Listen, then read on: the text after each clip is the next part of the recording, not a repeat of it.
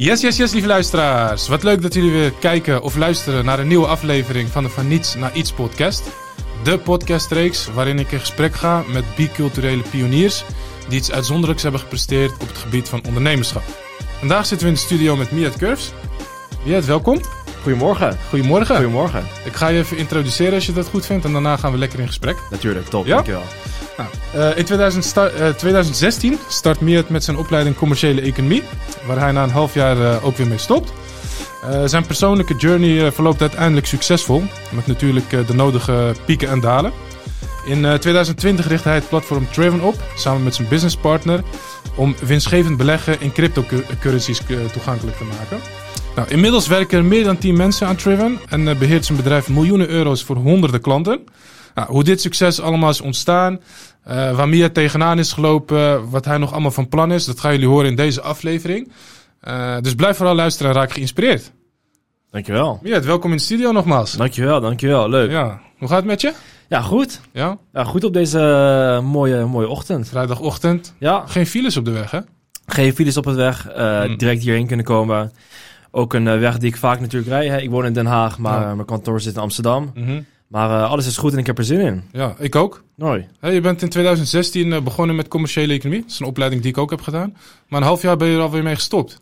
Ja, dus ik heb wel met, mijn, eh, mijn mbo afgerond. Mhm. Eh, uiteindelijk inderdaad koos ik ervoor om naar het hbo te gaan. Ja, enerzijds omdat mij altijd was verteld tot sinds de basisschool van...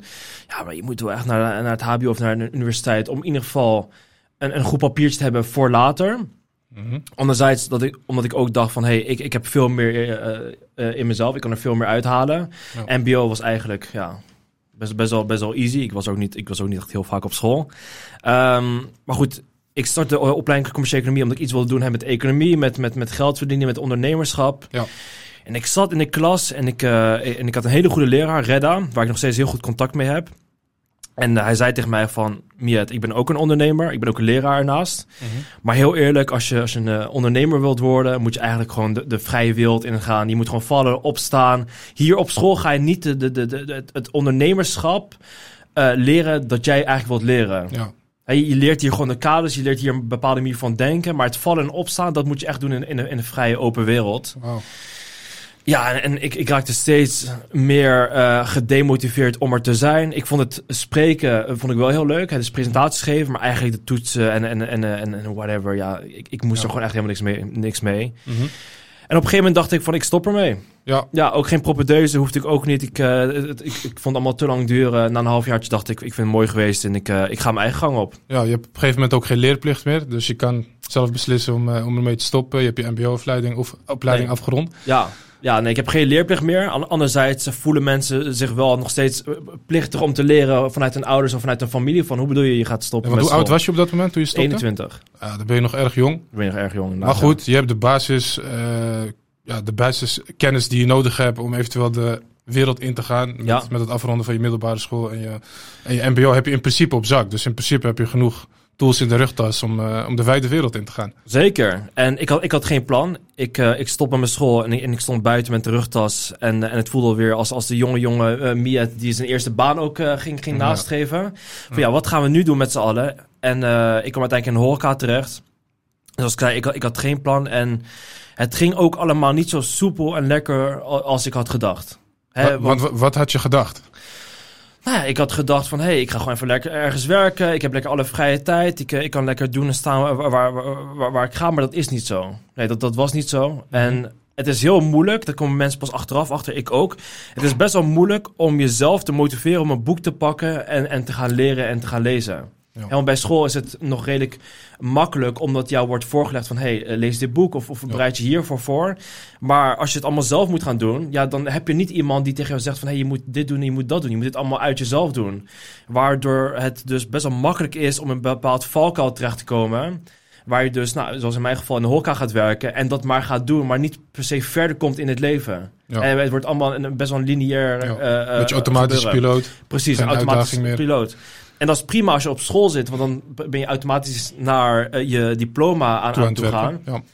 Maar als je dat eh, daar niet naar eh, streeft, in, je werkt ergens waar je niet per se ho- hoger op wilt of kan komen, ja, dan, dan ben je best wel waardevolle jaren aan het vergooien. Zo voelde het voor mij. Ja, kan ik me voorstellen. Ja. Maar tegelijkertijd vertelde Redda jou... hey, als jij iets met het ondernemerschap wil doen... ga die wijde wereld in. Ja. Dit systeem hier op school is niks voor jou. Dus de, die docent die herkende ergens in jou de ondernemer. Mia de ondernemer. Ja, Maar je bent er niet meteen iets mee gaan doen. Je zegt, ik had geen plan. nee. Nee. En, Maar, en het, wat had je verwacht? Ja, het grappige is, ik ben eigenlijk pas anderhalf jaar daarna eh, begonnen met ondernemen. Hè, want, want eh, het verhaal is inderdaad, hè, ik, be- ik, ik begon in de horeca, ik ben daar gewoon lekker gaan werken. Uiteindelijk nog een ander baantje genomen bij de, bij de NS en bij Schiphol. Vandaar dat ik ook vaak in de Berg op Zoom ben, ben gekomen. Aha. En, eh, en toen in 2017, begin 2017, kwam pas het verhaal van mijn vriend die zei van... hey, eh ken je de bitcoin? Dat was eigenlijk de eerste keer dat ik in aanraking was gekomen met, met geld en, en investeren en, en, en, en beleggen. Ja. Daarvoor was het veel meer van, ik, ik ga gewoon hard werken, ik verdien veel geld, ik ga vooral heel veel consumeren. Ik ga veel materialische zaken halen als, als, als mooie kleding en wat dan ook. Ja. En ik ga weer de maand daarna weer opnieuw beginnen. Ja. Maar het was niet van, ik ben aan het werken naar een hoger doel. Of ik ben aan het werken om eh, eerder op pensioen te kunnen. Ik, ik dacht daar totaal niet aan. Je was ook super jong natuurlijk. Ik Je was had, je had superjong. zoiets van, ja, ik kan makkelijk nog even vier jaar kloten. Dan ben ik eh, over vier jaar 25 en dan zie ik dan wel wat ik Klopt. ga doen. En ik had geen vrienden om me heen die mij per se eh, in dat opzicht motiveer, motiveren. Eh, ik kom niet, ook, ook niet per se uit een familie. ehm, moet ik het goed zeggen? Ik kom niet uit een familie die allemaal super ondernemend is. Of in ieder geval die ons allemaal omhoog ha- haalde. Mijn moeder is wel een hele goede onderneemster. Eh, dus daar heb, ik, daar heb ik het sowieso ook een, een, een deels van meegekregen. Mhm. Maar anderzijds, ik woon natuurlijk toen de tijd op mezelf. Ja, Eh, Alle ik- vrijheid. Eh, alle vrijheid. Ik woonde daar, daarvoor ook twee jaar lang in Apeldoorn. Dus ook aan de andere kant van Nederland. Dus ook ver weg van, van alle mensen die ik kende. Mhm. Dus ik moest het allemaal gewoon een beetje zelf doen. Ja, je moest het een beetje uitvinden, de wijde wereld in. Ik moest het Je uitvinden. hebt ja. vooral veel gedaan om uiteindelijk ergens eh, achter te komen. Als ik ja, zo... eh, ja ik, ik, moest vooral, ik moest het vooral hebben van leren, doen, fouten maken, nog meer fouten maken en dan opstaan. ja. Ik, ik, ik had geen handouts gekregen. Hè. Dat hoor je best wel vaak. Hè, van, ja, ik heb niet geleerd van mijn omgeving, van mijn netwerk. ja. Ehm, maar vooral als het gaat om het stukje geld en het ondernemerschap, was het bij mij echt van: ik ga, ik ga het gewoon proberen, ik ga het gewoon leren. Ja. En ik ga vooral gewoon doen waar, wat, wat ik denk, waar een persoon zich goed bij voelt. Ja. Dus ik leerde van, van, mijn, van, mijn, van de banen waar ik heb gewerkt. Ik, ik leerde bijvoorbeeld in dat restaurant hoe het vooral niet moest. Hoe je vooral niet moest managen. Hoe je vooral niet... ja, wat was er niet goed eh, aan de manier van hoe, vooral hoe het niet moest? Nou, zoals in mijn geval. Ik werkte toen, nadat ik ehm eh, stopte met school, werkte ik daar. Mhm. Ik werd uiteindelijk eh, manager.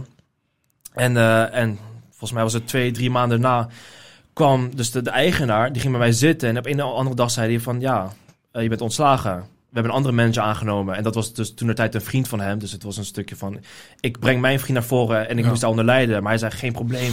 Je bent pas 23 of, of 22. Je hebt nog een hele wereld. Ja, maar ik ben net gestopt met mijn school. Ja, Ja, maar ik, ik, ik weet dat ik heel jong ben, maar ik heb de keuze gemaakt om mens te worden, omdat ik stopte met school. En ik, ik, en ik heb natuurlijk gewoon bepaalde verantwoordelijkheden. Ik heb een huis, ja, ik moet dingen betalen. ja.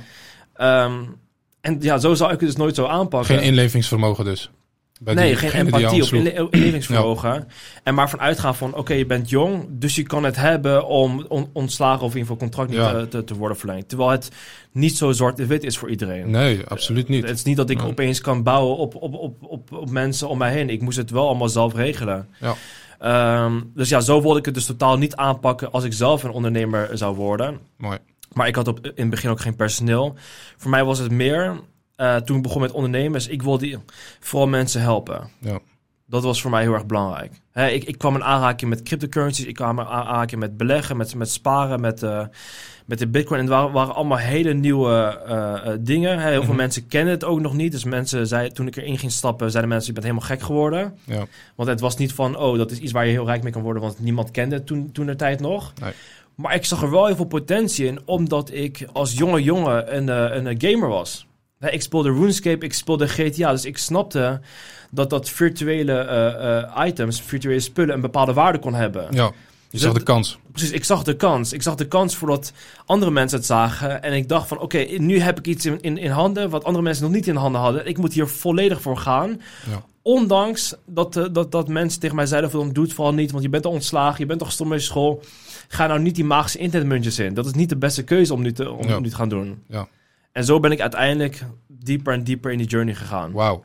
Ja. Je hoort dat stukje ondernemerschap al terugkomen. Dus ondanks dat allerlei mensen in jouw omgeving zeiden van je bent gek, het is een nieuwe markt, zou je dat wel doen? Zou je er geld in steken? Toch ben je dat gaan doen. Hè? Ja. Dat is dat stukje ondernemerschap, ondernemerschap wat in jou zit. En als we dan een heel klein stukje teruggaan, hè? want hier is natuurlijk een heel stuk eh, wat eraan vooraf gaat. Aan je opleiding, je bent heel jong eh, in eerste instantie als je begint met leven. Wanneer, wanneer eh, merkte, in je merkte je in je leven dat dat ondernemerschap wel in je zat? Toen je heel jong was, dat je dacht van, hé, hey, hier, dit is wel iets waar ik in de toekomst misschien wel wat mee ga doen. Het past wel bij me. Ja, eigenlijk ehm, later pas, dus toen ik rond de 20, 21 of 22 was. Wat, wat wel zo was, ik werkte sinds mijn dertiende. Ja, Dus ik, ik had het wel in me om keihard te werken. Ik had het wel in me om ehm, iets ordinairs, dus iets normaals, consistent eh, eh, op een lange termijn vol te houden. ja dus je, hebt wel- je hebt al heel veel discipline. Ik had heel veel discipline, leeftijd. ja precies. Ja. Het dus, dus, weet je, één handeling uitvoeren, dat kunnen we allemaal. Hè, bijvoorbeeld één keer naar de, naar, naar, naar de fitness toe gaan, dat kunnen we allemaal. Ja. Maar het consistent met de juiste discipline jarenlang volhouden, dat kunnen niet heel veel mensen. En nou goed, ik begon met, eh, op mijn dertiende te werken en ik leerde daarin van, wauw, ik ga naar school om geld te verdienen, maar ik verdien nu al geld. Los van het feit dat je ook naar school gaat om kennis op te doen. Maar ik verdien nu in principe al geld. Dus heb ik school daar wel voor nodig. Dus heb ik de school daarvoor nodig. En wacht even, ik, ik heb één baantje bij de Albert Heijn, maar ik heb nog wat tijd ertussen. Kan ik niet een tweede baantje er- ernaast nemen? Dus ik begon ook als tweede baan. eh, eh, ik had een tweede baan. Ik werkte als afwasser in- een restaurant. Mhm. En zo begon ik steeds meer te werken met werken. Nou, MBO ging voor mij. eh ging voor Twee mij vingers heel, in de neus, makkelijk. zoals je net al zei. Mhm. Dus ik hoefde niet heel vaak op school te zijn, vond ik. Nou, dat vond niet iedereen. Dus ik had nu nog meer tijd om te gaan werken. Ja. En om geld te verdienen, om geld te verdienen. Ehm, en voor mij ging het niet per se om een stukje geld verdienen, maar bij mij ging het meer om het feit dat ik zag dat ik, ik aan het groeien was met mijn, met mijn netwerk, eh, steeds hogere functies kon, kon, kon, kon betreden en ook veel meer leerde. Ja. Ik leerde eh, met, met mensen omgaan, ik leerde hoe het was om verantwoordelijkheden eh, te hebben. Ja. Ik leerde hoe het was om bepaalde gasten natuurlijk te, te helpen in, in, in een restaurant. En dat was voor mij een hele waardevolle leerschool in plaats van dat ik eh, op school daadwerkelijk dingen leerde als, weet ik veel, de Stijn van Pythagoras of, of, Statistiek. of ik, weet- ik, statistiek inderdaad. of Ja.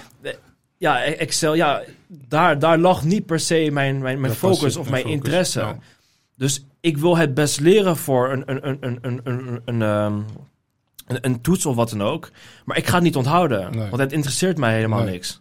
Ik wil me vooral inzetten op dingen die ik kan onthouden en die ik daadwerkelijk in de praktijk kan uitvoeren. Ja.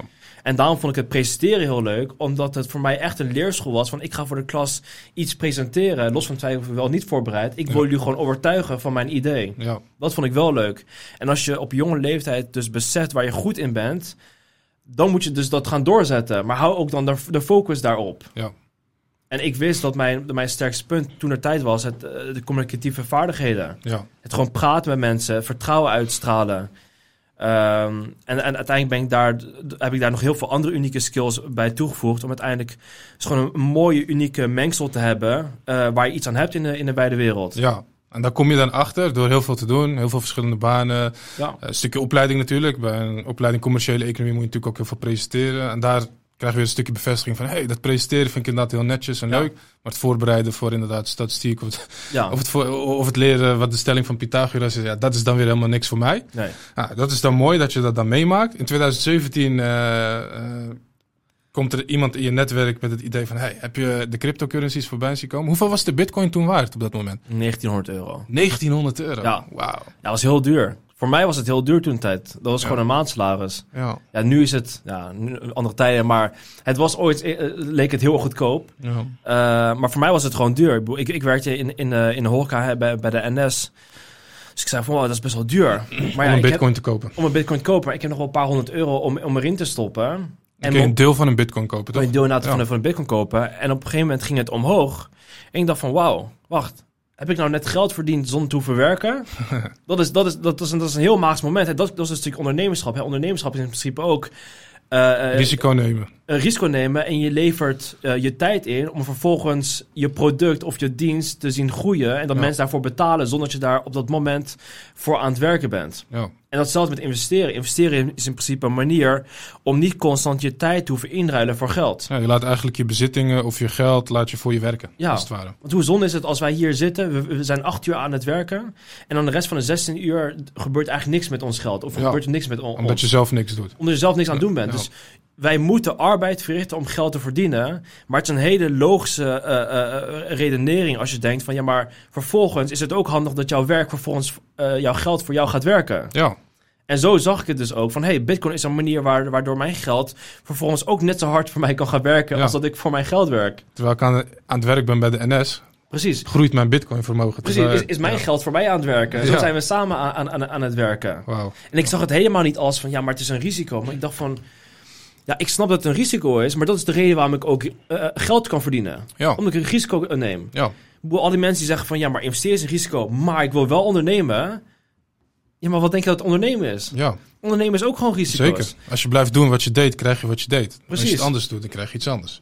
Ja, mooi. En, en als je er geen risico wilt nemen, ga naar het, het, het, pad af van nou, een vast contract. eh, ergens gewoon lekker werken in loondienst. Je weet elke maand wat je gaat verdienen, ongeacht hoe hard je werkt. Je weet Mhm. gewoon hoeveel je gaat verdienen. Ja. Ja, en, en, ik vond het tot zo'n akelig gevoel altijd om te weten van hoe hard ik ook werk in, in, een- in een bedrijf. Ik krijg altijd aan het einde van de maand hetzelfde salaris. Ja. Ja, maar ik, ik vond No matter jouw inzet, no No matter hoe, eh, inzet. hoe vriendelijk jij bent tegen iedereen, alle Precies. klanten, alle medewerkers, Precies. alles blijft gewoon hetzelfde. Daarom dus De nu- impact is niet aanwezig. Juist. En je hebt nu dus ook de term quiet quitting. En dat is dus, ik ga niet meer doen dan mij wordt gevraagd. En om vijf uur doe ik mijn laptopje dicht Ja. en dan ga ik naar, ga ik naar buiten. En dan ga ik leven. Ja, Niet mij bellen. Nee, nee, nee, ik ga niet meer doen dan, dan, dan, dan wat Ja. mij wordt gevraagd. terecht toch? En, en dat is terecht, eh, enerzijds. Anderzijds denk ik ook van, dat is ook wel moeilijk als je dan jezelf wel uniek wilt maken. En je, Ja. wilt laten zien in het bedrijf. Het heeft twee kanten. Ik denk dat je dat, als je, als je niet zo'n persoon bent, dat je dat ook niet kan doen. Dus ik, ik zeg wel van ja, ik snap het wel, maar ik zou dat zelf in een bedrijf niet kunnen doen op die manier. Precies, ik ook niet, maar ik snap wel dat, dat bepaalde mensen, mensen zo denken. ja. weet je. Dat is ook belangrijk om, om ook te kunnen snappen. Ja. Ehm, en ik vond het een heel akelig gevoel om, om te weten hoe, van hoe hard je ook werkt, je dit gaat verdienen. Ik Ja. wilde aan de hand van mijn inzet eh, andere bedragen zien aan het eind van de maand. Ja. Ik wilde zien dat als ik mij niet genoeg inzette of ik ga drie weken op vakantie, dat ik minder verdien. Ja. En als ik keihard ervoor ga en, en slimme keuzes maak, dat ik meer kan ver- verdienen. Want dat motiveert mij weer in de, in de, in de maand daarna. Mooi. Ehm, nou, met de NS en Schiphol was het ook. Hè. Hoe meer diensten je pakt, hoe, eh, hoe, hoe meer je verdiende. De nachtdiensten leveren meer op dan Precies. de Dus, dus- dagdiensten. ja, en, en, en, en hoe verder je we- weg je, je, je, je kon werken, hoe meer je verdient natuurlijk door de reiskosten. ja, ja, ja. Dus, dus het was allemaal een, een, brekend plan. Super, super leuk. En vervolgens was het, ik ga nog meer werken, omdat ik al dat geld dan weer kan investeren. Omdat ik het daar ook nog zie groeien. Ja. En, en, dat, en dat was voor mij, ja, de, de, crypto journey, het eerste jaar was voor mij een ongelofelijke, ongelofelijke reis. Ik, ben niet opgegroeid in, in, eh, weet je, in, in, in, eh, met, met mega geld of wat dan ook. Dus ik, ik kende, eh, waarde van het geld kende ik heel goed, omdat ik wist hoeveel ik ervoor moest werken om het, om het te verdienen. Ja. Maar anderzijds was het ook, toen je op een gegeven moment veel geld had, voelde het één voor mij een beetje als een game. Omdat, omdat het niet fysiek was. Hè, dus het was allemaal virtueel. Dus ik had niet per se het gevoel dat, dat, dat het veel geld was. Mhm. Ehm, en anderzijds had ik ook geen idee wat ik ermee moest doen. ja. Je hebt het niet nodig of... eh, Nee, ja, je, bent- je bent Je wist- 22. ja, Weet je, mensen zeggen tegen jou van ja, als je veel geld hebt, koop een huis en ga er vastgoed in. Maar ik ben 22. ja, Dat, dat is voor oude mensen, dacht Ja. ik toen de tijd. Nee, Ja. ik wil gewoon lekker een auto halen. Ik wil lekker kleding halen. Ik wil lekker eh, eh, op vakantie gaan. Ja. Daar dacht ik op dat moment aan. Achteraf gezien had ik veel, liever, veel beter eh, eh, in de vastgoed moeten gaan. Maar dat is natuurlijk ook weer een hele goede leerschool. Mhm. Dus daar kwam het stukje ondernemen bij mij ook vandaan. Van hey, dit is best wel een waardevolle levensles die ik heb geleerd. Van hoe ga je met geld om, eh, materialisme. eh, eh, hoe, hoe kan je bepaalde fouten niet maken die ik wel heb gema- gemaakt en die heel pijnlijk zijn geweest. Mhm. Ik moet dit gaan uitdragen aan andere mensen. Ja. Maar Op niet, welk moment kwam dat? Toen je, dat je dacht van ik moet dit gaan uitdragen. Hoe lang was je bezig? Hoe ging het? eigenlijk wel heel snel, want ik vond de Bitcoin zo interessant. En ik ben van mezelf iemand dat als jij waardevolle kennis hebt, moet je dat niet voor jezelf houden. Dat vind ik egoïstisch. Ik wil het delen met iedereen. Mhm. Dus bij mij was het van, hey, laten we ergens samen koffie doen. Ik betaal jouw koffie wel en ik ga jou, ik ga jou vertellen over de bitcoin. Wauw. Mensen zeiden van, ja, maar bitcoin, nou, nee, maar oké, weet je, oké, nou, tenminste een koffietje kan ik eruit halen. Ja. Aan het einde van, de, van, van het gesprek waren ze, wow, dit is super interessant, kan je mij daarbij helpen? Ja. En zo heb ik uiteindelijk al mijn vrienden erin meegenomen en, en daarbuiten ook nog in meegenomen. En, nou, en hoe beter het ging, hoe meer mensen bij je gingen aankloppen. Ja. En op een gegeven moment waren er dusdanig veel mensen dat ik dacht van... hé, hey, moet ik hier niet op een gegeven moment geld voor vragen? Niet Ja. omdat ik er geld voor wilde vragen, maar puur om het feit...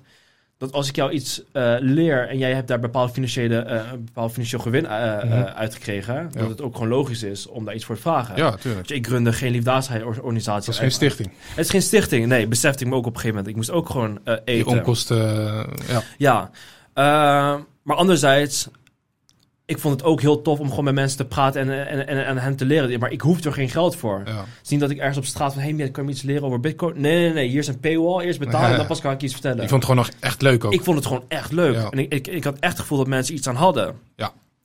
Nou, dus daar, kun je, daar heb ik uiteindelijk dus een onderneming uit, uit gemaakt. Hè? Mhm. Het geven van masterclasses en workshops. Omdat ik dacht van, oké, daar zit ook waarde in. Dat was nog voor uh, Triven, hè? was nog voor turn ja. Ja. ja. Ik wilde het ook nooit opnemen. Ten, on, ongeacht dat mensen zeiden van, ja, maar ga het nou opnemen met de camera, weet je. En dan kun je het, kun je het schalen. Ja, maar ik vond het veel leuker om het gewoon één op één te doen aan, aan, aan tafel. Dat ik jou iets kon bijleren. Ja, Dan ja. Die interactie vond ik heel belangrijk. Het ging mij niet om het stukje schalen en een stukje topondernemer zijn. Ik wilde gewoon iets doen waar ik daadwerkelijk... eh, eh, Echt eh, impact mee kan maken. echt impact mee kon maken. En natuurlijk een waardevol netwerk mee kon Absoluut. uitbreiden. Wat uiteindelijk heel, eh, heel goed is gebleken. Mhm. Ja, en, eh, en op een gegeven moment eh, ja, zit je een beetje aan de top. En, eh, en, en dan heb je eigenlijk gewoon geen idee wat in de afgelopen acht maanden eh, is gebeurd. Ja, want die begint op die 1900 euro aan bitcoin waarde. Ja, Je stapt erin. Ja. Met wel, begin je met een bedrag van 100 euro, 200 ja een paar, paar honderd euro eh, begon ik. Nou, ik begon elk salaris erin te stoppen. Ik leefde heel klein in studio. Niet uit eten gaan, niet op vakantie gaan, geen duur kleding halen. Heel eh, minimalistisch leven. En elke cent die ik verdiende, die ik over had, erin investeren. Ja. Gewoon echt duizenden euro's probeerde ik eh, eh, eh, per maand erin, te- erin te stoppen. Niet heel gezond. Ik ging van 85 kilo naar uiteindelijk naar 120 kilo. Nou, dat, dat, is, dat is een Ja. flink impact. Omdat Ja. je dus constant bezig was met werken. Geen tijd had natuurlijk om te sporten. En je was constant in de avond of in de nachten bezig op je telefoon of op je computer zitten. Ja, en je geld gaat allemaal naar bitcoin, dus je koopt goedkoop spul. Dat is meestal ongezond. Precies, je koopt goed. Ja, Of zeg ik dat verkeerd? eh, nee, je, je let gewoon niet op je voeding. Ja, oh ja, ja. Je let er gewoon niet op je voeding. Dus Ja. omdat je constant buiten bent, op een station, ja, wat ga je daar eten? Nou, Ja. Je weet wat voor, wat voor plekken daar zitten. Weinig, eh, Eh, weinig gezonde, Weinig ge- gezond. gezonde dingen. Ja. Dus dat was niet gezond. Ik zag mijn vrienden en familie ook niet heel veel. mhm. Omdat je natuurlijk constant bezig daar, daarmee bent. ja. Ja, en dan, dan is het heel goed gegaan financieel gezien. Heel want als ik het me goed herinner, is de bitcoin op een gegeven moment in 2017, datzelfde jaar ja, waarin de bitcoin 1900 euro waard was, is op een gegeven moment naar 20.000 21.000 euro Ja, of zo eh Klopt, dus naar toegegaan. 20.000 gegaan. Wauw, dat zijn nog geen stappen, hè? Zeker. En ik zat niet in de bitcoin, ik zat in een andere munt. Oké, En die maar die was, hele, eh, die hele markt ging natuurlijk mee, hè? De hele markt bitcoin is een beetje leidend. Ja, en dat was ongelooflijk. Dat was een munt eh, waar ik in zat, waar ik een groot fan was van was toen de tijd. Die was van 1 euro naar 40 euro gegaan. Kijk, dat zijn winstmarges natuurlijk. Zeker. En ik heb die hele run omhoog meegemaakt naar 40 euro, omdat- omdat ik nou, heel goed eh, onderzoek had gedaan en, Wauw. eh, en goed bevriend was uit, uiteindelijk ge- geweest met dat, met dat team. Mhm.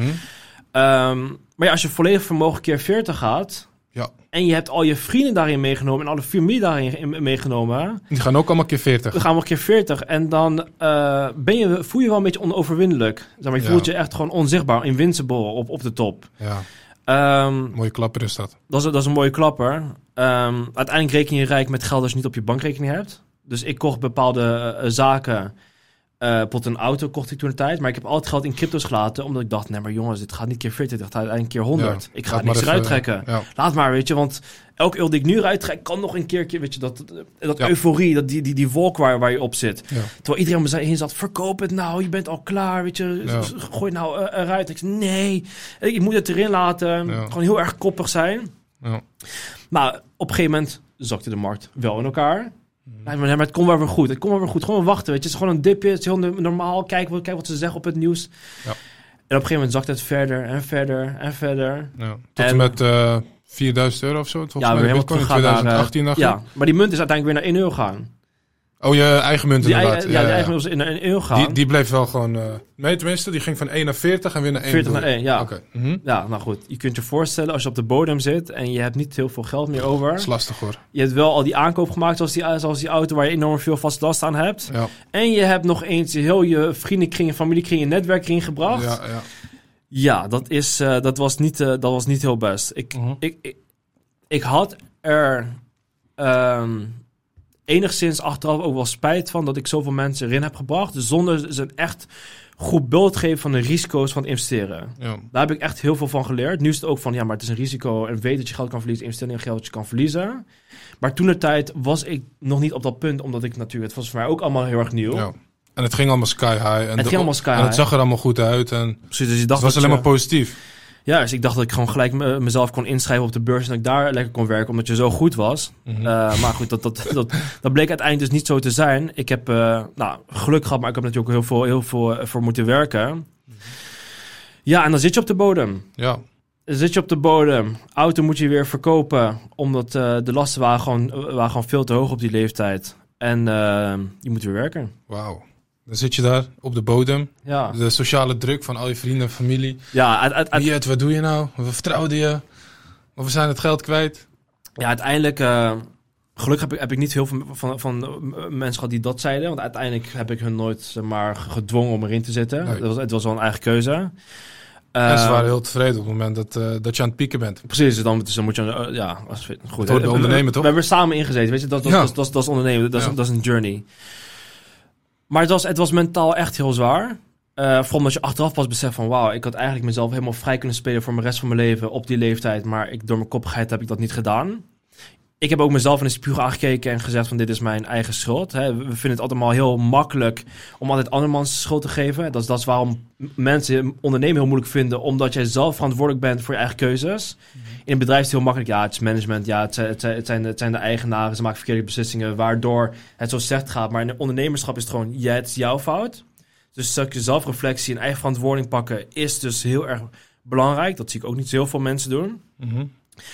Maar ik geloof nog steeds wel in, het, in, in, in, in de bitcoin en Ja. in investeren. Ja, want hoe heb je op een gegeven moment dat, eh, ja, dat negatieve gevoel, een beetje depressieve gevoel, omgezet naar iets positiefs? Hoe ben je uiteindelijk uit het dal gekomen? Nou ja, ik dacht, oké, mijn vertrouwen was in eerste instantie gebaseerd op de prijs. Mhm. Dus eh, als de prijs omhoog gaat, heb ik vertrouwen. Als de prijs omlaag gaat, heb ik geen vertrouwen. Ja. Zo, zo werkt de mens in, in, in, in, in een redelijke zin.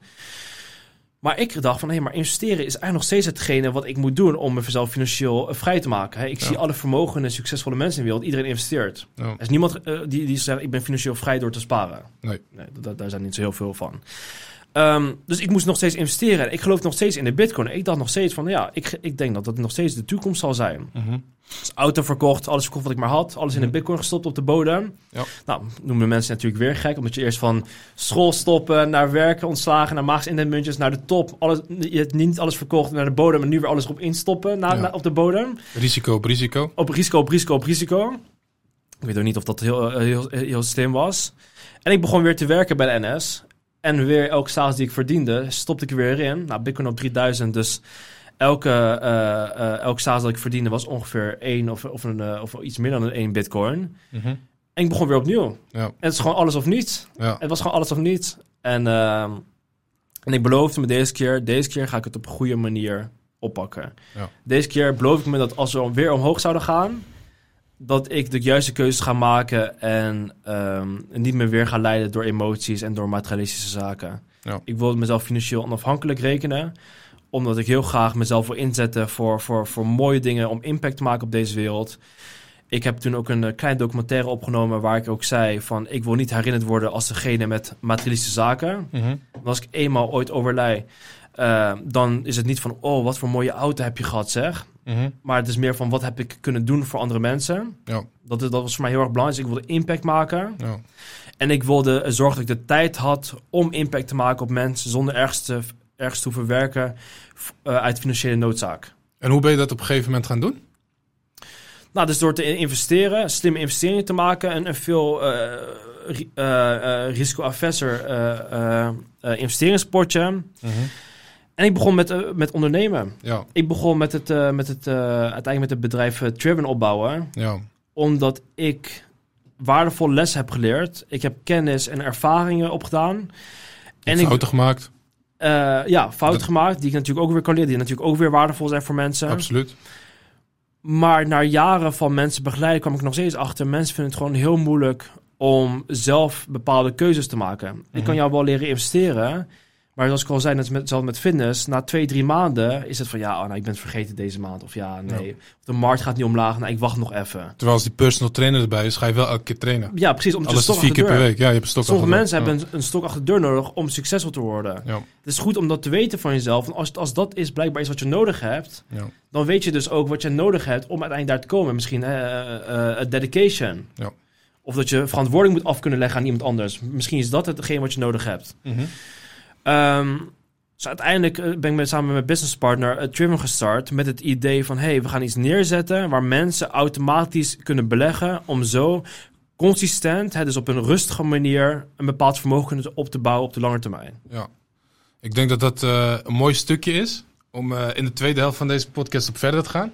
We hebben nu gehoord hoe het allemaal begonnen is, uh, waar je tegenaan bent gelopen, Ja. de fouten die je hebt gemaakt. Dat hoort erbij, dat hoort bij ondernemen. Zeker. Daar heb je natuurlijk hoop van geleerd. Op een gegeven moment uh, heb je wel het vertrouwen gehad in de uh, vertrouwen behouden in de cryptocurrencies, moet ik zeggen. En in mezelf. En in jezelf. Ook heel belangrijk. Vooral als je heel veel fouten hebt gemaakt, dan is het Absoluut. heel makkelijk om, om, uh, om het vertrouwen in jezelf te verliezen. Ja, En gewoon weer te denken, nou, dan ga ik maar weer terug naar school. dat heb je niet gedaan. Je hebt het vertrouwen in jezelf gehouden. Ja. Je bent blijven geloven in wat je doet. De Ja. ontwikkelingen die gaande zijn. En op een gegeven moment heb je daar Triven opgezet. Ja. We gaan in het tweede deel van deze podcast praten over... Nou, wat doet Triven precies? Waar, uh, waar sta je op dit moment en waar ga je naartoe? Waar wil je naartoe groeien met het bedrijf? Uh, een vast onderdeel van deze podcast is de snelle rubriek. Ja, De snelle rubriek is eigenlijk niks anders dan een aantal vragen... die een beetje afwijken van hetgeen waar jij mee bezig bent... maar wel leuk zijn om te behandelen. Mag je kort op antwoorden en dan kom ik straks op een van die vragen terug. ja. Ben je er klaar voor? Daar ben ik klaar voor. Oké, okay, dan, dan gaan we. De eerste vraag. In welk ander land zou je graag willen ondernemen? Uh, Dubai. Dubai. Is dat een land? Uh, ja, Verenigde Arabische Emiraten. Zou ik dan inderdaad... Uh, maar Dubai als stad. Dubai. Ja. En uh, met welke andere ondernemer zou je graag een kop koffie willen drinken? Ehm, op hetgene, vroeger zei ik Gary Vee. Ja. Maar nu is het een andere. Het is een uh, hele interessant persoon. Het is een uh, Naval Ravikant heet hij. Is een hele goede ondernemer, omdat hij ondernemen, uh, geld en mindset combineert. Hij heeft, even, ik, ik zou straks terugkomen, maar die wil ik wel even op inhaken. Hij heeft toch ook een podcast, uh, hoe heet hij nou? Zeker. De, hoe heet hij nou? Het zijn allemaal, het zijn allemaal korte, korte Ja. clipjes inderdaad, ja. How to get uh, rich. Juist. Of Ja. How to get my first million. Of Ja, iets precies. Allemaal, dat soort onderwerpen Ja, hij. Heeft een heel mooi boek ook. Ah, oké. Uh, en bij Jorgen heeft hij ook een hele podcast gema gemaakt. How to get rich without Mhm. getting lucky. Ja, die inderdaad. How to get, ri- get rich without being lucky inderdaad. Voor de mensen die luisteren, absoluut een aanrader. Zeker Het is ook weten. echt een aflevering van twee uur of zo. eh, tenminste, Ja. degene die ik dan beluisterd heb Ja. eh, uit die reeks van hem. Super inspirerend. Oké, gaan we, kom ik zo meteen nog eh, kort op terug. Welke andere industrie zou je op dit moment eh, aan willen pakken, Miet? De mediawereld. De mediawereld. Ja. Wat zou je daar anders willen doen? Ik zou een uh, mediabedrijf opstarten. Ik, uh, ik denk dat ik heel veel impact... Of in ieder geval, ik denk dat er nog heel veel impact kan worden gemaakt in de mediawereld. Mhm. Ik denk dat we nu in een tijd le uh, leven van heel veel polarisatie. Er is heel veel kampen tegenover elkaar. Ja. Uh, ook als ik kijk naar, naar Instagram zie ik uh, uh, veel oppervlakkigheid. Ik zie, geen ik zie niet heel veel authentieke mensen. Ja. Of mensen die, die hun ego aan de kant durven te zetten... en gewoon een eerlijk en oprecht verhaal te, te, te vertellen. Ja. Ik denk dat daar... Nou, niet, ik, denk, ik weet zeker dat daar meer behoefte aan is in, in deze maatschappij. Ja. Dus de mensen die, die een authentiek verhaal hebben... gewoon naar voren durven te komen. Uh, bepaalde uh, fouten uh, die ze hebben gemaakt... dat ook te kunnen aangeven aan mensen... zonder te denken van... ah, maar wat gaat die over mij denken? Of oh, dat is ten koste van mijn reputatie. Ja. En ook als je iemand voor je hebt die anders dan jou denkt, daar ook gewoon oké okay mee zijn. En Ja. zeggen van, hé, hey, ik snap dat je zo denkt. Ik ben daar niet altijd mee eens. Maar dat is prima. Want ik ben hier ook niet om mijn uh, wil of mijn denkwijze op jou neer te leggen. Van, je moet zo denken. Weet je, Ja. we zijn allemaal verschillend. Gelukkig maar. En, en dat je ook daar een normaal gesprek mee kan hebben. Ja. Ja. Niet te veel in hokjes stoppen of framen. Nee, of, eh, precies, precies. En, en, Of van iemand verwachten wat de maatschappij van iedereen verwacht. Zeg maar. Ja. En dat, dat minder uh, uitstralen dan in het mediaconcept wat jij zou doen. Vooral in mijn, in mijn uh, wereld, financiële wereld, de crypto-wereld, uh, is het al heel snel heel makkelijk om daar een influencer in te worden. Hè? Heel erg oppervlakkig zijn, mooie auto's, uh, heel veel schreeuwen natuurlijk. En, en eigenlijk schreeuwen welke kant we opgaan. Of, of van of financieel vrij worden. Of wil je dat ook? Wil je ook stoppen met je 9 tot 5 baan? Ja.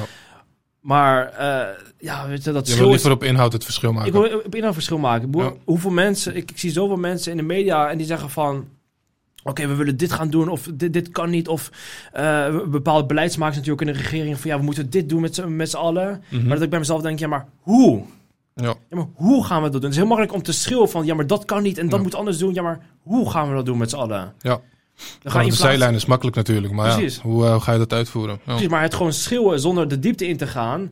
trekt al heel veel mensen aan. omdat de mensen die naar luisteren... die denken ook niet verder dan het, het geschil. Ja, Dat zie je heel zijn- veel bij politici inderdaad. Precies, dat zie je natuurlijk bij heel veel bij politie. Maar als je bij jezelf denkt van, ja, maar hoe gaan we dat dan met z'n allen doen? Het is heel makkelijk om te schreeuwen, hè, de beste stuurman staat aan wal. En ik wil dus eh, ook natuurlijk met de dingen die ik hierna ga doen, waar we het vast ook zo meteen over gaan hebben. Ja. Ik wil een, een platform creëren waar we wel dit soort vragen kunnen stellen. Ja. Waar ik wel kan vragen, ja, maar hoe zie je dat dan voor je? Ja, kunnen we meteen ook op inhaken. Want je, gaat, eh, je bent bezig met, met een eigen, eigen show Ja, in de mediawereld. Ja, superleuk. En eh, ik heb nooit een eigen podium gehad. Mhm. Bewust, na- natuurlijk. Geen microfoon gehad. Maar ik zag dat er gewoon zoveel behoefte was aan, aan, een eerlijk en leuk en, en gesprek. En ook om vragen te kunnen stellen die nog niet echt worden gesteld. Ja. Ehm, dus het mooie is, is eh, dat ik dus nu inderdaad een, eh, een hele mooie show krijg bij BNR. Ja, Ehm, eh, zij helpen mij hier, hierin mee op, op alle vlakken. Ik zal daarin eh, de host zijn, waar ik eh, hele toffe gasten kan gaan uitnodigen. Uit de mediawereld, uit de artistieke wereld, uit de, uit de voetbalwereld, maar ook uit, natuurlijk uit de ondernemerswereld. Ja. Om verhalen van hen te horen die eh, enerzijds nog niet worden verteld in de media, omdat ze daar en geen tijd voor hebben. Hè, want als je bij op één zit, is het gewoon een kwartiertje Ja. en klaar. ja, weinig diepte. Precies. Ten tweede, en wat, ik, wat jij natuurlijk ook mooi hebt, is als, als ik een bepaald verhaal vertel, dat je vervolgens doorgaat op dat verhaal, in plaats van weer terug wilt komen naar het onderwerp. Ja. Want, want die doorvraagvragen is juist wat het interessant maakt, omdat je dan bepaalde antwoorden gaat krijgen die je normaal gesproken niet krijgt. Ja.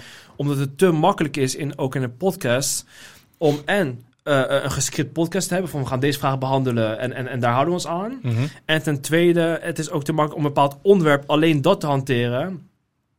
Omdat jij dan ook als, als, als host niet heel goed hoeft te luisteren. Nee. Omdat als je niet hebt geluisterd of denkt oh, dat is van moeilijk, nou ga ik weer terug naar, naar het onderwerp. Ja, Dat, dat, dat, dat is veel makkelijker natuurlijk. natuurlijk. Terwijl als, als, als jij een, een, een kind hebt en je wilt een kwartier lang gaan praten over wat voor een impact een kind voor jou heeft gehad, dan moet je daar ook gewoon over kunnen praten. In plaats Absoluut. van, nee, maar eh, de podcast is een half uur Ja. en we moeten nu door. Ja. En het kan zo zijn dat je gewoon een kwartier lang doorpraat zonder dat ik iets, ook maar iets zeg. En dat het eigenlijk heel fijn is, want ik wil gewoon luisteren naar jou. Ja, Ik, ik, ik maak een podcast omdat ik wil luisteren. Ik ben hier niet om dan mezelf omhoog te trekken. Ik ben hier vooral om te luisteren, te leren en vragen te stellen uit nieuwsgierigheid die een, die een luisteraar ook zou hebben als die ook aan de tafel had gezeten. ja, Niet dat je denkt van, ja, maar je had moeten doorvragen. Dat was zo'n mooi moment om door te Ja, vragen. ja, ik, wil, ik wil juist dat gevoel dus niet creëren waar we wel door gaan vragen. leuk. Ja, dan krijg je ook echt eh, parels, hè? De, de, de, de parelverhalen. Ja, Als je doorvraagt, in plaats van inderdaad constant aan het script houden. juist. Ik ben benieuwd. Ja, ik... eh, wanneer, ga je, wanneer ga je live met, de- met de show? Oké. In de december gaan we opnemen en in Mhm. eh, januari gaan we, gaan we live. En eh, Leuk. ja, ik ben super benieuwd. En eh, word je dan uitgezonden op, op BNR Radio of in, de, in de podcastomgeving van Ja, BNR? dus- in dus- de app, zeg maar. Ja, dus in de podcastomgeving worden we uitgezonden Mhm. bij BNR. En de video's komen ook op de BNR YouTube. Ah, leuk. Ja. Maar ehm, de lange video's en de TikToks en shorts komen op mijn kanaal. Ah, oké.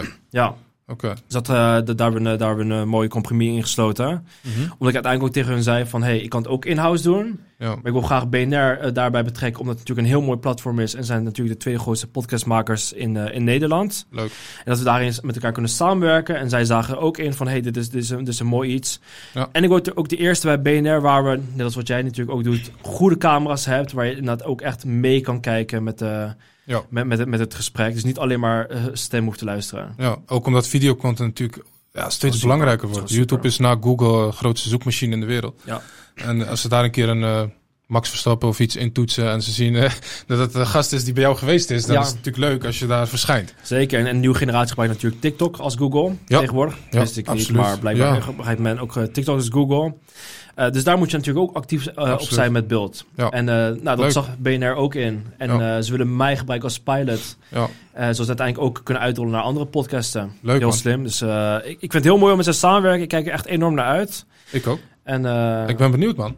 ja, En je, je krijgt inderdaad de mogelijkheid om ehm, eh, die industrie waar we het net over hadden in de, in de snelle rubriek, om die inderdaad aan te pakken. Ja. Als je wil de media ja, wil je anders inrichten, het Ja. medialandschap, nou, dan krijg je nu de kans voor met, het, met je eigen programma. zeker. In een mooi netwerk. Van in een heel mooi netwerk. En ik wil Leuk. ook niet vooringenomen zijn. Als ik iemand eh, heb die anders denkt, wil ik ook niet de les leren in, in, in een podcast. Ik wil vooral luisteren, net zoals ik al zei. Mhm. Omdat het ook te makkelijk is om iemand uit te nodigen waar je het niet mee eens bent. Of, of waar je denkt van, ja, maar ik ben er niet helemaal mee eens. Eh, ik wil vooral snappen waarom die zo denkt. Ja, en dat eerste zie je natuurlijk wel veel in de mainstream media. Ja, tuurlijk. Dat je toch te veel ge- een hoek Überhaupt als je op een bepaald platform komt, weet je van... hé, hey, is een beetje links eh, platform, Ja. is een rechts eh, platform. Ja, je weet wat... Je weet, maar als je iemand daar zet, weet je eigenlijk van tevoren al wat de vragen zullen zijn... en hoe de vibe zal zijn. En dat wil ik dus juist voorkomen. Ik Jammer wil- is dat, hè? Ik vind ik jammer. Ik snap het enerzijds ook, ook natuurlijk. Maar ik wil vooral een schilderij gaan schilderen met mensen... waar je van tevoren niet weet wat het eindresultaat zal zijn. Ja, lekker open. Joe Rogan doet dat heel goed. We hebben gisteren even gesproken, maar Joe Rogan is echt een voorbeeld van Ja.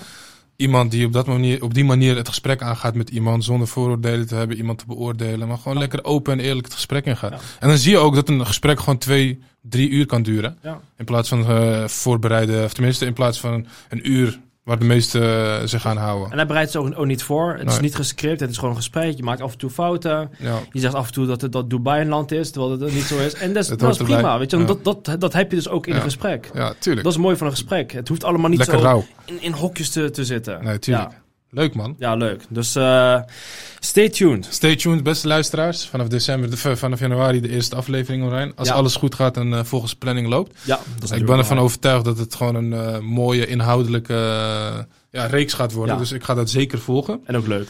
Ja man. Ja. Eh, ja, ik denk dat het tijd wordt dat we naar het tweede deel van de podcast gaan. Toch wel een beetje gescript, hè? Oh ja, ja, nee, Eh, ja. Eh, dus excuses daarvoor. Eh, we waren gebleven bij het opzetten van Triven. Hè? Eh, de hele journey daar naartoe, hoe je daar bent gekomen. Uiteindelijk heb je heel veel kennis verzameld. En ga je met die kennis aan de slag in de vorm van nou, je eerste onderneming en later Triven. Ja. Zou je ons mee kunnen nemen ehm, in de ontwikkeling van Triven en hoe het er nu mee gaat? Ja. Nou, Triven is ook echt een heel verhaal op zich. Ik, ik had als doel, samen met mijn partner... Mijn partner heb ik ontmoet via Twitter. Mhm. Ook, een, ook een, heel, een, een heel leuk verhaal. Ontmoet via Twitter eh, onder een pseudoniem. Eh, Kitsune heet hij. Had een vos als avatar. Ik wist niet wie het was. Ik, wist, ik bouwde met hem het bedrijf. En ik wist nog steeds niet wie het was. In de maanden dat ik met hem eh, eh, het bedrijf ging bouwen. Je hebt hem fysiek nog niet ontmoet. Fysiek niet, ik wist ook niet wat zijn naam was, hoe die, hoe die eruit zag. Maar ik geloofde wel in zijn kennis die, die hij had. Want hij bouwde algoritmes. Dus ik denk van, nou, dat, dat zal wel goed zijn. En eh, was verder een hele vriendelijke man. Uiteindelijk snapte ik waarom hij eh, eh, zo geheimzinnig was. Omdat hij eh, enkele lagen onder de minister van Defensie zit. Bij, bij Defensie. Hij werkt, hij werkt bij Defensie. Ja, ja. Dus, dan wil hij- je publiekelijk niet per se bekend worden misschien, toch? Nee, vooral niet in de, crypto, in, in, in de crypto-wereld. Eh, dus zijn vertrouwen kunnen winnen van... hey, ik zit hierin met goede intentie. Ik wil echt iets samen met, met, met je opbouwen. En uiteindelijk hebben we elkaar in het echt ook leren kennen. Wat natuurlijk ook wel handig is als je een bedrijf wilt opstarten met Ja. elkaar. Ja. En het was heel simpel. Ik had een community van mensen die ik in de afgelopen jaren daarvoor eh, in de crypto had gebracht. Ja, ik had veel koffie gedronken met die mensen. heel veel koffie gedronken. Geïnspireerd. Eh, ik heb ze samen in, in een WhatsApp-groep ge- eh, gebracht. Omdat het gewoon leuk is om een bepaald familie te hebben. Omdat Leuk. mensen ook behoefte hebben om niet in de silo's te zitten. Maar dat ze een beetje het familiegevoel hebben. In Ja. goede, maar ook in slechte tijden natuurlijk. Ehm, en ik wilde hen een mogelijkheid bieden om automatisch eh, eh, te kunnen handelen met de bitcoin. Dus iets van rendement te verdienen. Omdat we één, een sociaal leven hebben. We werken en we moeten ook slapen. Ja. Ik kan niet van uitgaan dat iedereen zoals mij... Nou, Kijk, Een robot is. Een, een, een, ro- een robot is, ja. We bouwen robots, maar we zijn er niet zelf in. Ja, ja, zeg, ja. zeg ik tegenwoordig. Ehm, dus, iets, eh, dus, een, dus een algoritme naar buiten gebracht. Nou, voor de mensen die niet weten, een al- algoritme is dus eigenlijk een, heel makkelijk gezegd, inderdaad een robot die wij zelf hebben geprogrammeerd. Die aan de hand van bepaalde data eh, handelingen uitvoert. Mhm. Inderdaad, eh, eh, acties uitvoert. En ehm, wat, wat interessant is in die journey, is we begonnen en we gingen gelijk met 25% omlaag. Nou, dat is best wel jammer. je zou zeggen dat is geen goed begin. Dat is, dat, is geen, dat, is inder- dat was inderdaad ook gewoon echt geen goed begin. Dan heb je opeens allemaal mensen die enthousiast zijn, dan ga je met 25% omlaag. En vervolgens ehm, hadden we bepaalde risicolevels. We hadden eh, low risk, eh, eh, medium risk en, high risk. Ja. Allemaal handelden ze hetzelfde. Maar met, met de high risk ging je met grotere porties in een bepaalde handeling dan met low risk. Maar je handelt wel hetzelfde. Ja. Alleen met ene zet je meer geld in en met de andere zet je minder geld in. Mhm. Nou, vanzelfsprekend als een persoon naar me toe komt die zegt van ja, waarom zou ik low risk doen als ik ook gewoon high risk kan doen, omdat ik daar en meer kan, mee kan verdienen. En in principe handelen ze toch allemaal hetzelfde. Dus als die low risk goed handelt, handelt de high risk ook goed. Ja. Een, een, een logische gedachtegang. Mhm. En dat ging ook heel goed. We hadden, wat is het, 1200, 1300 procent in, in, de- daarna eh, behaald in, in 6, 7 maanden tijd. Omdat je dus die risicospreiding hebt van twee groepen. Precies, ja. Maar met dat hoogste risico hadden we dus ongeveer 1200, 1300 procent. Wauw. Nou, dat is keer 12 keer 13. Je moet Dat je voorstellen ja. hoe, hoe super dat is. En hoeveel mensen dat ook aantrok in, in, in het algoritme. Dus iedereen kwam als een gek eh, naartoe en wat dan ook. Mhm. Ja, we moesten, acht, we moesten vooraf eigenlijk weten dat het niet houdbaar is. Als je 1200, 1300 procent haalt, kun je het niet consistent elk jaar volhouden. Dat zou mooi zijn natuurlijk. Dat zou zo mooi zijn, maar dat, dat, dat, is, een, dat is een Disney film. Nou, toen stortte de boel in elkaar. En eh, hoe hoger je risico natuurlijk, hoe meer je winst, maar ook Verlies. hoe meer je verliezen. Inderdaad, ja. Nou, dat hebben we ook op een harde manier eh, mogen leren, waar we op een gegeven moment echt onderuit zijn gegaan. Grote verliezen eh, hebben geleden. En ja, iedereen zat natuurlijk vanzelfsprekend in het hoog risico, dus die zijn, hebben natuurlijk allemaal harde klappen gehad. Waar je op een gegeven moment als ondernemer ook moet zeggen van, dit werkt niet. Dit werkt niet. Dit, dit, dit is niet de reden waarom ik eh, dit ben gestart. Dit is ook niet hoe wij ons naar voren willen brengen, want we zijn integer, we zijn eerlijk en we willen iets consistents aanbieden. We willen niet het snelle doen, want dat is, Ja. niet, dat is ook in de afgelopen jaren is dat niet hoe ik mezelf heb gepresenteerd. Mhm. En dan moet je gewoon de, de, de, de, de harde keuze maken. eh, we stoppen met het algoritme. Ja. We zetten hem uit, we stoppen ermee en eh, we moeten terug naar de tekentafel. Mhm. Nou, uiteindelijk dus een nieuwe partner bijgehaald. Eh Jaron, die was helemaal eh, eh, bezig met de business en met, en met finance. Mhm. Die, heeft uiteindelijk de hele structuur opgezet met, met, ehm, met de BV's en, en, en wat dan ook. Ja. Iets waar ik geen verstand van heb. En ook, het, het- het interesseert me ook niet heel veel. Ik vind het wel belangrijk om te weten, maar het interesseert me niet heel veel. Mhm. Daarom is het ook belangrijk als ondernemer zijn in een bedrijf. Je hoeft niet alles te weten. Je kunt Nee. echt prima eh, uitdelegeren naar, naar andere mensen die wel Je kan ook niet alles weten. je kan niet ook niet alles weten, je wil niet ook alles weten. En uiteindelijk zijn we van goed, Michael is een programmeur, een van de beste die er is. Ik ben heel goed in commercie, Jaron is heel goed in finance, maar we, we, we hebben een trader nodig. Ja. We hebben iemand nodig die daadwerkelijk weet hoe moet je nou die trades maken en die handelingen maken. Nou, via Michael, hè, dus... eh, eh, Dus iemand die ook echt heel veel kennis heeft van die markt. Ja, die, die, precies, die heel veel veel meer dan jullie. Die zo. veel meer dan heeft, dan ons. Want wij- ja, ik, ik heb wat getraind, maar ik ben geen echte trader. Oh, maar dus, dat, zijn- dat is wel iemand die heel uniek is, denk ik. Die Moeilijk heel uniek vinden. is, ja. Nou, Michael van Defensie, ik vind het al sowieso heel, heel tof dat hij erbij is. Hij had een vriend, Andras. Ja. En eh, hij werkte 25 jaar als trader op de Zuidas. Bij, bij verschillende propfirms, dus eh, flitshandelaren. Ja. En ehm, nou, hij was redelijk klaar voor het leven. Hij hoefde niet meer te werken. Maar hij was wel, eh, vond het wel leuk om een nieuwe uitdaging aan te gaan. Ja. Nou, hem hebben we kunnen betrekken bij, bij, eh, bij het bedrijf. Wat, wat ook weer echt super uniek is om zo'n persoon bij je bedrijf te hebben. Allemaal seniors. Ja, leuk. Ehm, en hij heeft samen met Michael een strategie gemaakt. Keer zeiden we, we gaan niet verschillende risicolevels doen, we gaan maar één risicolevels doen. Omdat wij moeten bepalen wat het risico is. Omdat mensen voor zichzelf niet kunnen bepalen hoeveel risico's ze nemen. Totdat ze eenmaal verliezen. En dat ze dan pas erachter komen, ik kon niet zoveel risico nemen. Ja, precies. Mensen zeggen van, ik investeer alleen maar wat ik kan verliezen. Maar het is pas wanneer je het verliest, dat je erachter komt dat je het niet kon verliezen. Ja. Ja, dus daarin moeten we zelf de verantwoordelijkheid innemen. Ehm, uitgebracht. Ehm, en dat ging heel... eh, eh, het was heel saai. Maar het ging wel heel consistent en goed. Ja. In Maar ook iets minder dan inderdaad dat je in één keer 12, 1300 procent Het was omhoog of het was omlaag gaat. rustig. Maar gewoon lekker eh, organisch en gezond. Het was heel rustig. Het was, het was Ja. heel gezond. Het was, het was heel Dat is fijn. beter dan rentenieren. Het was beter dan rentenieren. Eh, we beoogden met een rendement van 20 à 30 procent per Oh, jaar. Lekker, ja. Eh eerste jaar uiteindelijk ook afgesloten met 21 procent. Nou, veel minder dan wat we daarvoor hadden. Maar dat is prima. Want als jij 20 of 10 of 15 procent per jaar consistent kan volhouden op de lange termijn, win je. Dat is veel gezonder. Ja, dat Ja. win je. Zeg maar, Ja. Het is niet heel moeilijk, dan, dan, dan, dan, dan win je. Ja. Vertrok ook een hele andere doelgroep aan. Dus we gingen naar de iets vermogendere eh, persoon, omdat zij snapten dat het een, allemaal een risico was. Ja. En maar we wilden het ook toegankelijk maken voor de mensen die iets minder hadden. Dus ik kon dus vanaf 2000 euro instappen. Omdat ik als bedrijf zijnde ook niet weer een eh, bedrijf wil opstarten die het voor de, die de rijken nog rijker maakt. Ja. Je wil het toegankelijk maken voor iedereen. Ik wil het toegankelijk maken voor iedereen. En als, en als vermogende mensen daarin ook kunnen profiteren, ben ik daar heel blij in. Ja. En dan moet je ook zeker hebben, want die kunnen het natuurlijk uiteindelijk ook weer kunnen betalen voor de minder bedeelden. Ja, Dus je daar ook die iets, dragen iets het moois kan doen. meer. Ja. Juist. Nou, uiteindelijk zijn we doorgegroeid naar eh, eh, eh, eh, 10 of 11 man eh, personeel.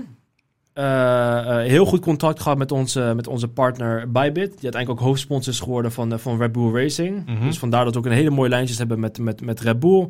En ook met Bybit. Ehm, En omdat ik me altijd heb gepro- heb geprofileerd in de media als iemand die genuanceerd het Bitcoin-verhaal kan vertellen. En beide kanten van het spectrum snapt. En is het bankaire sector, maar ook de Bitcoin-sector. Eh, werd ik vaak uitgenodigd dus eh, in de media. Hè, dus Ja. denk het aan het AD, denk aan eh, Op 1, denk aan eh, NPO 3, waar we een mooie documentaire hebben, Videoland. Ja. En dat was elke keer weer ten goede van mijn credibility, omdat in de financiële sector eh, je credibility heel belangrijk is. Zeker. Ja. Dus ondanks dat we met het eerste algoritme best wel een klap hadden, ge- eh, hadden gemaakt. Ja. De reden waarom we niet waren gecanceld, waarom mensen stop, stopten, want we hebben eigenlijk bijna alle klanten behouden. Was omdat we wel altijd waren aan de voorkant. Ja. We gaven toe van ja, dit, dit werkt niet. Ja. Maar waren ook, was ook niet van, oh, ik hoef die mensen niet, niet te spreken van laat maar, gooi maar een ander team op. Ik heb gewoon de telefoon opgenomen en ik heb die mensen gesproken. Heel goed. En dan hoor je ook mensen van, ja, en, en moeilijk en corona en, en lockdown, ik had het geld echt, echt nodig. Of, of ik hoor, op een gegeven moment begonnen mensen ook gewoon eh, eh, eh, boos te worden. En die zeiden van, ja, weet je wat, sorry Miet. Ik werd gewoon boos omdat ik gewoon thuis moeilijk, eh, kinderen schreeuwen thuis. eh, van mijn moeder, vrouw zit ook maar alleen maar te schreeuwen. Dus dit was gewoon mijn uitlaatklep. Ja. Jullie, was maar, jullie waren mijn uitlaatklep. Ja. Nou, ik heb daar naar, naar, naar zitten luisteren en uiteindelijk ook weer de rust weer in de toon kunnen brengen. En mensen bleven omdat we wel vertrouwen hadden in onze kennis. Ja. Ze zagen nog steeds wel van, oké, jullie visie was iets waar we, waar, waar, waar, we, waar, we, waar we in geloven. En jullie kunnen iets aanbieden waar wij eh, eh, niet wisten dat we daar behoefte aan hadden, totdat we het eenmaal hadden. Ja. En nu kunnen we ook niet meer zonder. Ja. En, en, en als je dat op schaal kan uitbrengen, dan heb je een heel succesvol businessmodel. Ja. Dat is eh, wat ik heb geleerd van Naval Ravikant. Ja. Skill. Je moet, je moet schalen. Want er zijn vier manieren hoe je bedrijf kan leveragen. Dat is dus allereerst met personeel. Mhm. Hè, dus met, hoe meer personeel in de meeste gevallen je hebt, hoe meer je kan uitschalen. Tweede is natuurlijk geld. Derde is media. En vierde is code. Dat zijn de vier manieren hoe je bedrijf kan schalen. Mhm. Nou, we hadden natuurlijk code. Nou, media hadden we. Nu gaan we natuurlijk eh, nog, nog meer doen. Eh, geld ha- hadden we enigszins. We hebben geen extern kapitaal opgehaald. Expres, omdat we altijd de visie bij onszelf konden houden. Mhm.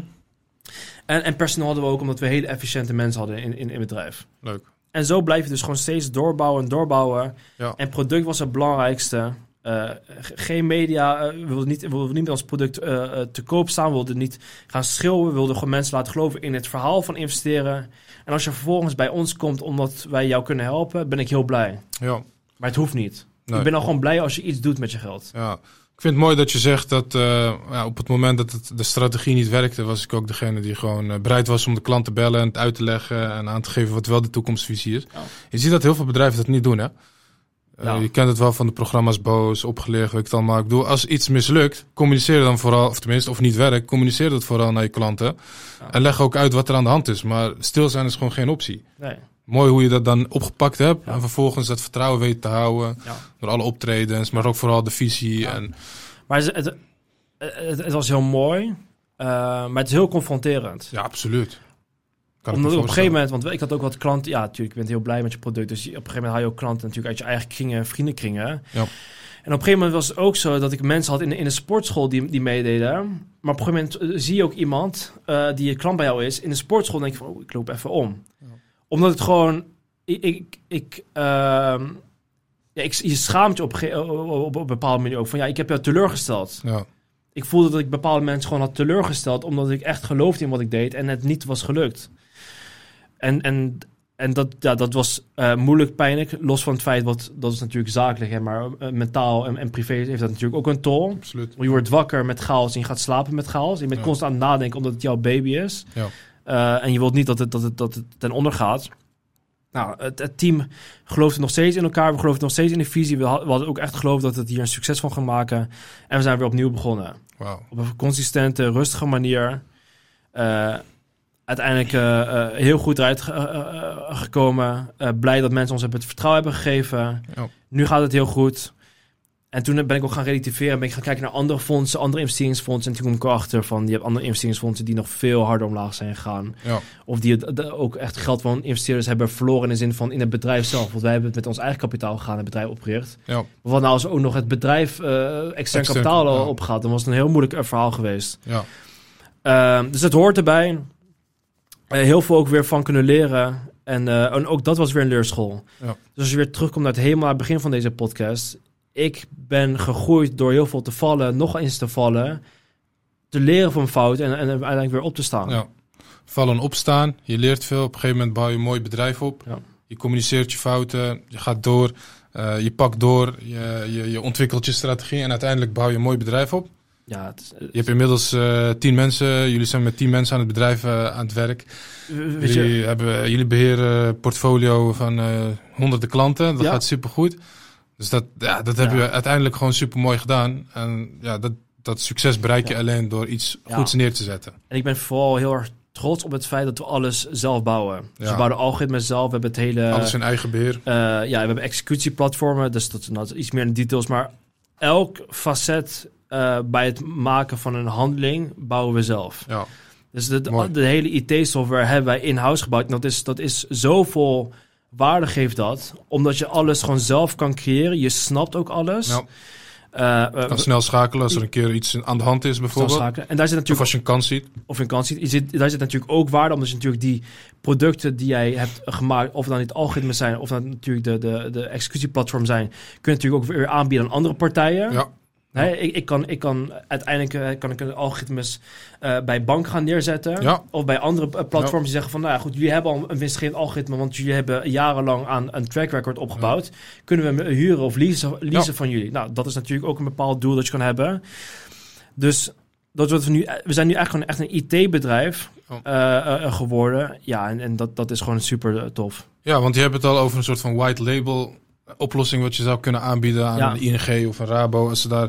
Waarom zouden ze de wiel, zelf- het wiel opnieuw uitvinden als het wiel al uitgevonden is door jullie, zeg je eigenlijk? Ja, Eh, je bent inmiddels een IT-bedrijf. Ja. Eh, die zich richt op- Eigenlijk wel. Ja. Eh, is dat misschien een mooi bruggetje? Nou, wat, wat zou je in de toekomst willen bereiken met, met Triven? Waar willen jullie naartoe groeien? ja dus ons, ons, onze visie was in, in eerste instantie om binnen drie à vijf jaar de grootste in Europa te worden.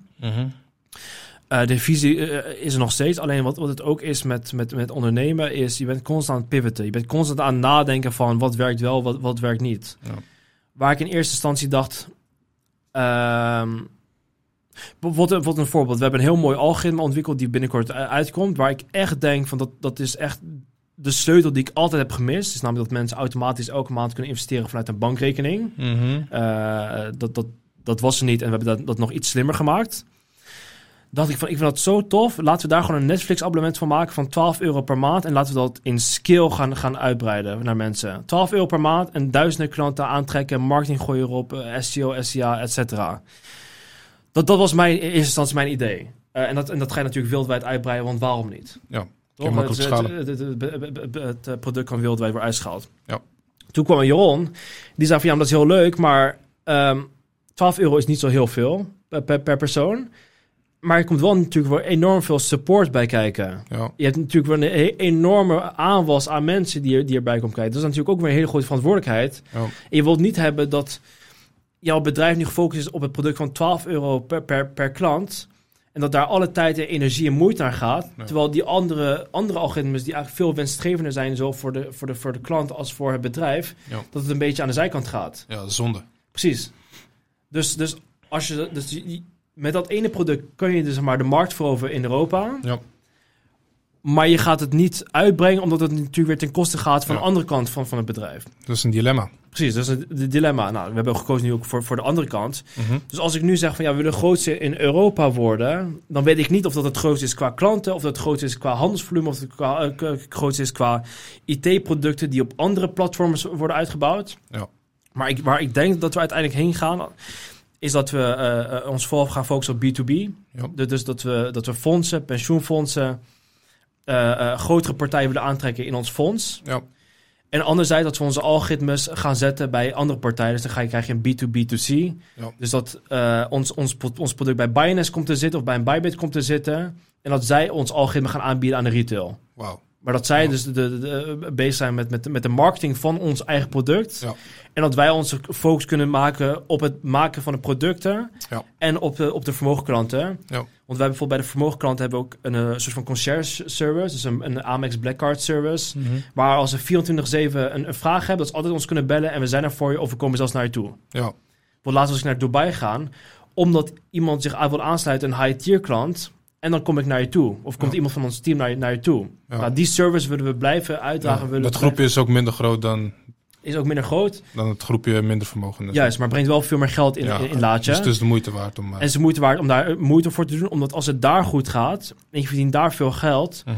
Kan ik steeds meer dingen gaan doen voor de minder bedeelden. Want ik heb me altijd ingezet voor de minder bedeelden. Of ik nou ergens spreek, of dat ik mijn kennis gratis en vrijblijvend kan, kan uitdragen. Ja. Of dat je bijvoorbeeld zegt van we maken, eh, we gaan via eh, schuldhulpverlening, organisaties bepaalde tools aanbieden, waardoor mensen toch wat vermogen kunnen opbouwen. Ja, als ze maar met 5 euro of met 1 euro of met 10 euro per maand. nou, dat zou mooi zijn. Precies. Uh, of je zegt van nou, we gaan meer investeren in een podcast, we gaan meer investeren in live events, we gaan Ja. een, een echte community oprichten. Dat kun je dan doen met dat geld wat je daar verdient. Ja.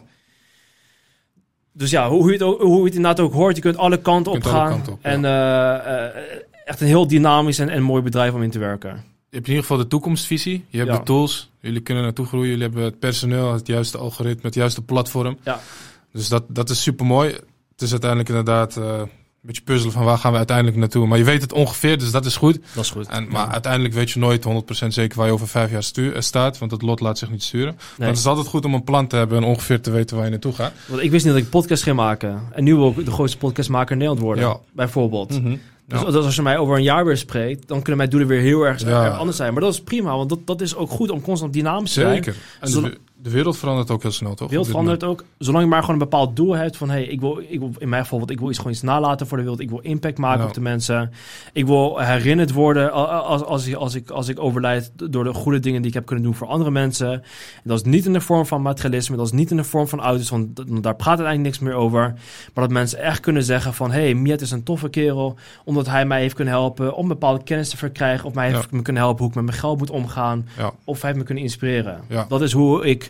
eh, dat is hoe ik graag wil dat mensen eh, over mij praten wanneer ik er niet meer ben. Ik vind het een mooie visie. Je hebt op dit moment een mooi platform gebouwd waar je dat mee kan realiseren. En dat gaat alleen maar beter worden. Ja. Dus ik ben ervan overtuigd dat op het moment dat jij in je kist ligt en de mensen je afscheidsreden aan het voorlezen zijn, dat ze positief over jou gaan praten. Dat, is, dat is belangrijk. Dat is belangrijk. Dat, dat en- is mooi. en weet je, dat, zo dacht ik ook altijd met risico's te nemen. Ik bedoel, we leven in een heel mooi land. Ja. Nederland geeft ons heel veel mogelijkheden om te kunnen groeien. Ja. We zitten in een internetgeneratie. Ja. Met een mobiele telefoon kun je nog meer mensen bereiken dan hoe onze ouders of grootouders mensen konden bereiken. Ja.